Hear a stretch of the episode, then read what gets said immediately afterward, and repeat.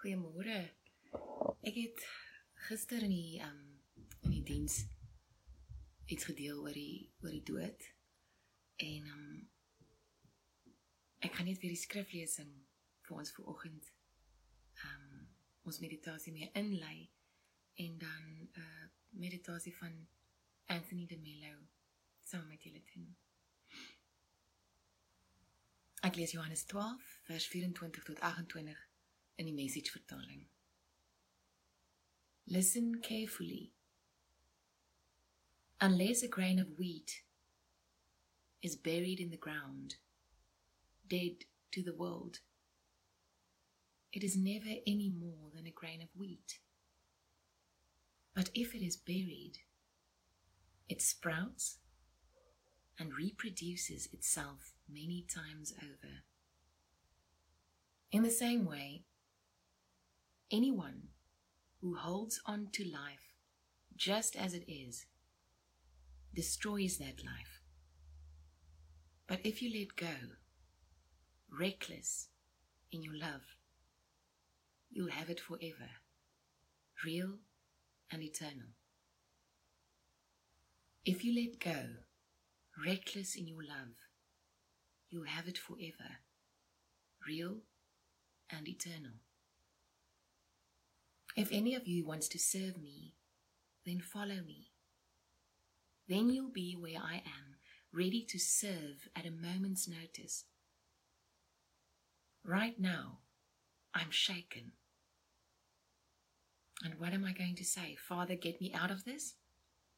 No. This is why I came in the first place. I'll say, Father, put your glory on display. Put your glory on display. En ek het gister in die diens ook gesê vir my is dit 'n duidelike bewys of 'n teken dat angs nie 'n sonde is nie. Dat angs 'n 'n uitnodiging is tot oorgawe. My God, my God, waarom het U my verlaat? Word Vader, in U hande gee ek my gees oor. Dis die uitnodiging. Dis die as ek dit mag sê, die geskenk van angs. Daar's niks lekker omtrent angs nie natuurlik nie. Maar daar is 'n geskenk. Dis 'n uitnodiging tot oorgawe. Right now I am shaken. Jesus. And what am I going to say? Here, Vader, kry my hier uit. Nee. Ek gaan sê, Here, Vader, laat U glorie deur my skyn. Dis oorgawe. Dis angs wat lei na oorgawe. En dis dalk die geskenk daarvan vir jou ook vanoggend op hierdie maandagooggend met al sy deadlines en mense wat voel jou die dood voor oë sweer as jy nie iets doen nie. Kom ons doen saam hierdie um uh doodsmeditasie. en uh ironies oor doodsmeditasies is dat dit gerig is daarop om ons in groter oorgawe te laat lewe, om ons in meer oorvloed te laat lewe. As mens die dood in die gesig staar, lewe mens met meer lewendigheid. Anthony de Mello noem dit um om kubai te sê vir jou liggaam. Verbeel jou jy het al jou kubais klaar gesê voor jy doodgaan en jy het nou so uur of 2 oor in ons geval so 10 minute. Jy het nou hierdie tyd uitgesit vir jouself en vir God. Begin deur met jouself te praat. Praat met elkeen van jou ledemate jou hande jou voete jou organe jou hart jou brein jou longe. En miskien is daar 'n orgaan of 'n ledemaat wat ver oggend spesifiek vir jou na vore kom al is dit iets waaroor jy nooit dink nie soos 'n nier. Sê finaal totsiens vir elkeen van hulle. Dis moontlik om vir die eerste keer ooit werklik kennis te neem van hulle nou dat jy besig is om dood te gaan. En medesterwendes, ons is almal besig om dood te gaan.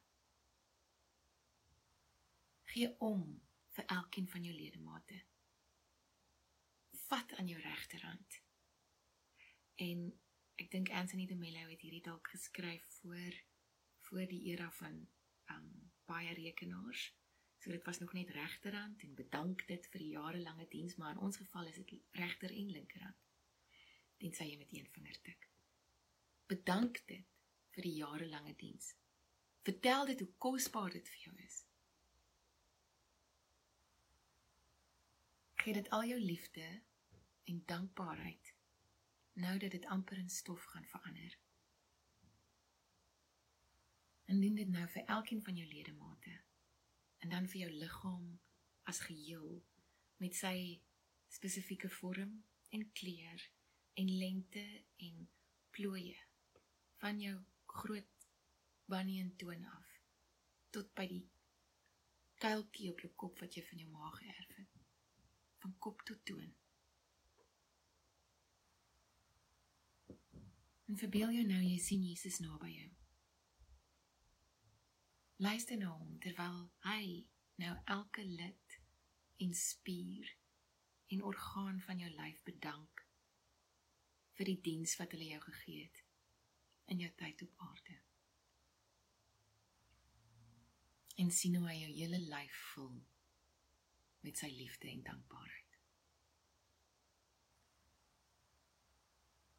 Die die Jode en eintlik baie uh oop kop oop hart mense glo dit mens elke aand moet afskeid neem van hierdie lewe. En dat 'n mens as jy so meditasie doen in die aand om kubai te sê want slaap is mos eintlik soos 'n klein doetjie. Uh alhoewel die Franse seks 'n klein doetjie noem of um, dit wat daarmee gepaard gaan. Um, maar slaap is ook 'n klein doetjie. En ek dink as mens met liefde en dankbaarheid gaan slaap, jouself neerlê in die aand, dan mag jy dalk met groter wonderwerke wakker word in die oggend. So kom ons vat so 'n paar minute, is nou die oggend.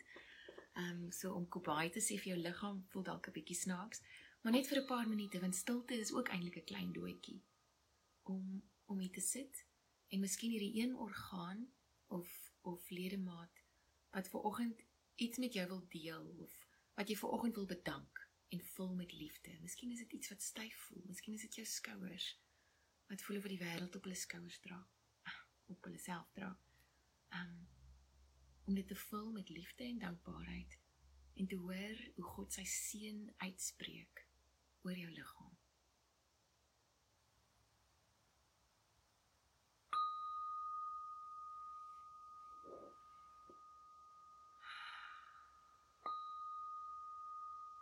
Toe dat diep asems vloei deur jou lyf. Dat jou asem soos 'n soos 'n mikroskoop word wat wat deur jou lyf reis en en soos 'n vergrootglas identifiseer watter dele vanoggend ekstra liefde en dankbaarheid nodig het.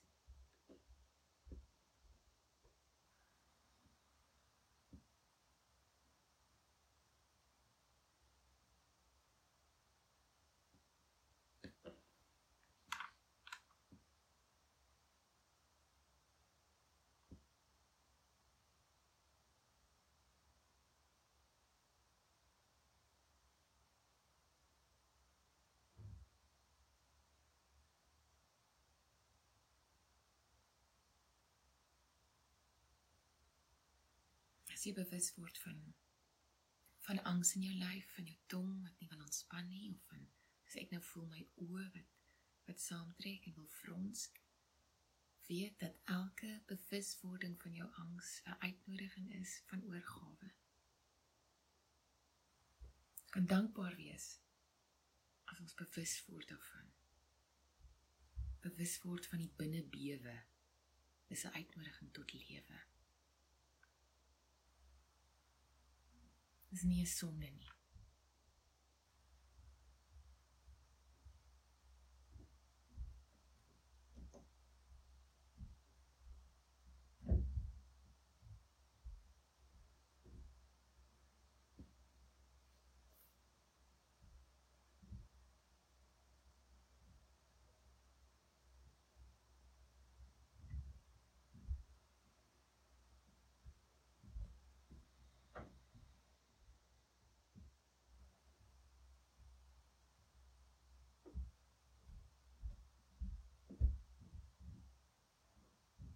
Vandag ook dalk 'n uitnodiging om elke keer as jy jou hart vinniger voel klop oor iets, te sê dankie hart.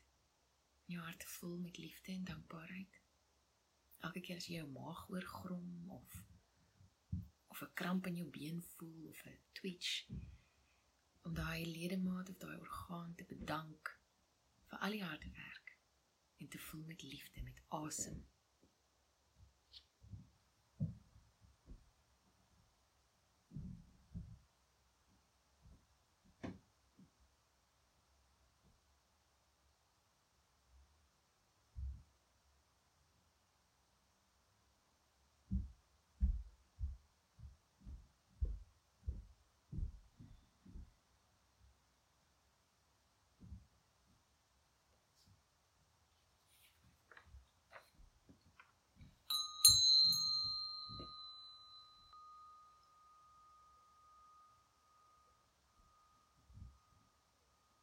Right now, I'm shaken. And what am I going to say? Father, get me out of this? No. This is why I came in the first place. I'll say, Father, put your glory on display. Mag elke oomblik wat jou bors saamtrek vandag of jy sukkel om jou stem uit te kry uit jou keel uit, uh, 'n uitnodiging wees tot oorgawe. Oh I'm